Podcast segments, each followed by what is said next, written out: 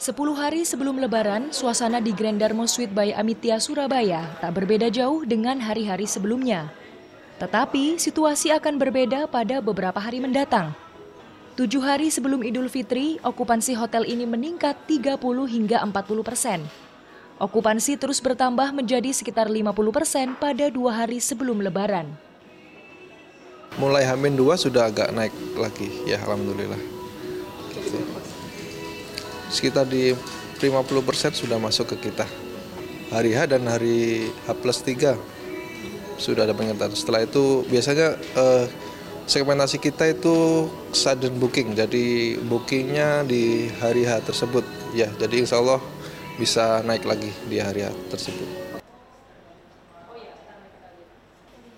Sementara di Fave Hotel Rungkut, Surabaya, okupansi baru meningkat 50 persen mulai 19 April hingga beberapa hari setelah Lebaran.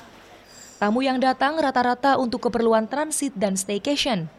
Pada hari biasa, harga kamar di hotel ini sekitar Rp350.000. Sementara mulai 19 hingga 28 April naik menjadi Rp500.000. Karena memang high season itu pasti hotel full terus sih Mbak. Dari tahun ke tahun kita selalu full bahkan bisa sampai semingguan itu kita full. Mm-hmm. Itu rata-rata untuk apa stay-nya? Rata-rata sih untuk transit karena kita juga dekat dari bandara, kemudian kita juga dekat dengan akses keluar masuknya tol. Jadi memang kadang untuk stay keluarga juga.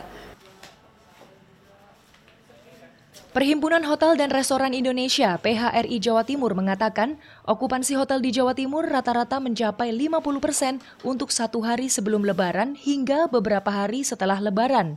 Pada high season, kenaikan harga kamar hotel di daerah destinasi wisata tentu lebih tinggi, seperti di Malang, Batu, Banyuwangi, dan Pasuruan. Jadi peningkatan rate itu biasanya H-1, hari H, H, H plus 1 itu peningkatan uh, peningkatan uh, apa ada peningkatan rate yang ada gitu.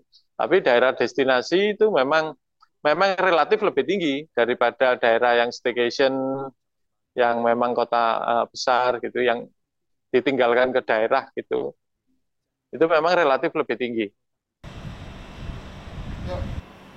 Di aplikasi akomodasi, harga kamar saat lebaran hingga setelah lebaran terpantau lebih mahal. Okupansi sejumlah hotel di daerah destinasi wisata pun hampir penuh.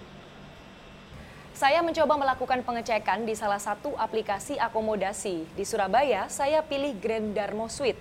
Untuk tipe kamar deluxe pada tujuh hari sebelum lebaran, harganya sekitar 614.000. Sementara pada satu hari sebelum lebaran hingga hari H lebaran, harganya meningkat tapi hanya sekitar 20 persen, yaitu menjadi Rp870.000. Sementara untuk hotel yang ada di Kota Batu, salah satu destinasi wisata misalnya yang ada di Jawa Timur, ini saya pilih The Batu Hotel. Pada periode yang sama, yaitu tujuh hari sebelum Lebaran, harganya sekitar Rp708.000 untuk tipe Superior King dengan balkon. Sementara pada saat satu hari sebelum lebaran hingga hari H ini harganya meningkat 100% menjadi sekitar Rp1.600.000 dan sudah ada peringatan jumlah sisa kamar.